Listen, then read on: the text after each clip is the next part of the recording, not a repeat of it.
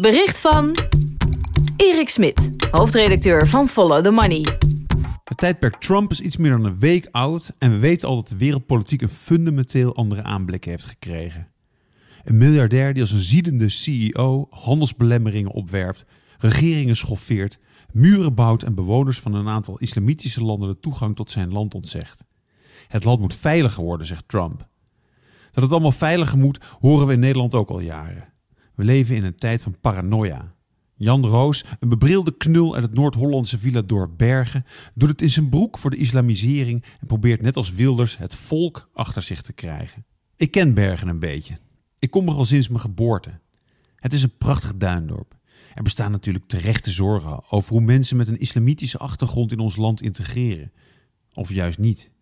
Maar als je in de vredige omgeving van Bergen al ergens voor moet vrezen, dan is het een bezopen boerenkinkel uit Egmond, niet een Marokkaan.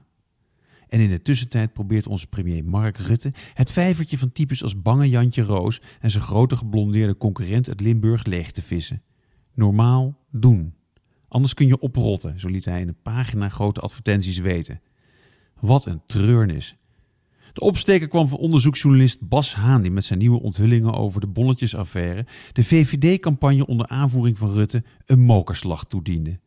Het is wat mij betreft de hoogste tijd voor een andere premier. Voor iemand die niet al te bang is aangelegd en wel over een moreel kompas beschikt.